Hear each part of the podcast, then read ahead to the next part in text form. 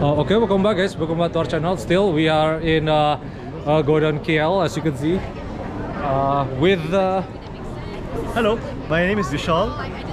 Uh, I'm an architect uh, based in Kuala Lumpur, but I also do artwork here, as you can see right now. So these pictures that you see right now are all originals, but for today I'm only selling prints. And of course, if you're interested, you can let me know, and then we can work something out. Yeah, So, absolutely. yeah. So because uh, you know, I, I already spoiled about myself uh, about the character YouTuber. I would just uh, you know want to get to know more about your project. Before I get into the content, uh, can you sp- uh, share a little bit more about what your project is all about?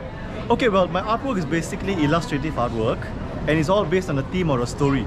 So, for instance, if you look at that particular one over there, right, it's about a dragonfly trying to eat the, uh, sorry, the frog is trying to eat the dragonfly, and the dragonfly is trying to escape. So there's a story behind it, you know. Or the wayang kulit that you see over there was inspired by the Indonesian wayang kulit. It's called Dancing Fire, and you see the last one over there, the manta ray, is actually going through over the sea. So you have corals and things like that. So these are all stories behind these pictures, and these are all illustrative work based on ideas which come once in a while. So uh, uh, do you say that, uh, I mean like uh, the art itself have their own story, right? Is that what you're saying? Yes, that's right. Narrative. They have a narrative. they have a narrative. So that's uh, very interesting because uh, you know uh, some uh, art artists uh, have Yeah. no you know involvement in that, but uh, this one is uh, make it uh, more unique than Yes, uh, everyone, right? There's always a story behind the art, yes. Yeah, absolutely. Yeah. So uh, you uh, don't get NFTs or no?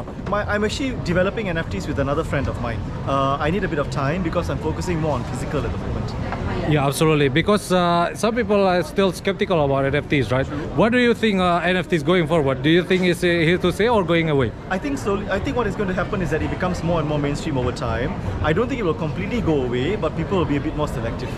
That's Yeah. my feeling, yeah. Yeah, absolutely. Because uh, right now, uh, particularly in this bear market, uh, people try to sell NFT, but it's hard to get the liquidity, right? Well, so yeah, I mean the prices have been on the high side, and Yeah. liquidity is an issue. So I think over time it'll just become a bit more realistic and more reflective of what the actual economic prices of some of these pieces are.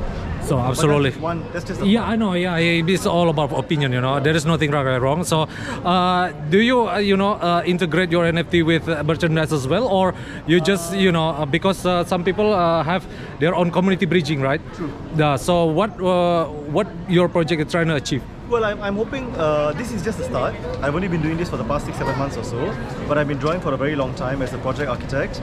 Uh, I'm actually hoping that this is going to go into merchandise later on, things like maybe iPhone case, uh, tote bags, and things of that nature. So yeah, I'm actually working towards that. It's just that this is the beginning for it.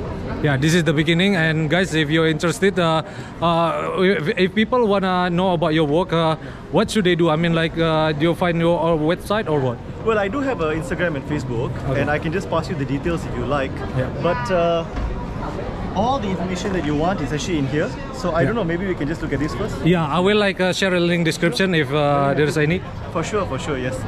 So yeah, that's uh, pretty much it, guys. If you find it interesting, uh, I will share the link in the description. No problem. So uh, one last word before maybe uh, as a conclusion, you have uh, anything to add um, to wrap up? Well, if you're interested in art, I would strongly, strongly suggest that you share it with the world. Don't worry about how you're going to get it done. Just get the first step. Uh, so you just take the first step and then get your work out there, and hopefully, when people like it and all that, it will start taking you much further than you actually thought it would. Yeah, absolutely. Uh, guys, yeah, that's a good advice. If you like to, you know, get to know about it more, I will share a link description. So, uh, thank you for your time once again. It's been an honor to be here, guys. If you find it interesting, once again, uh, like I said before, find it uh, link down below. Leave a like and subscribe to our channel. Yeah.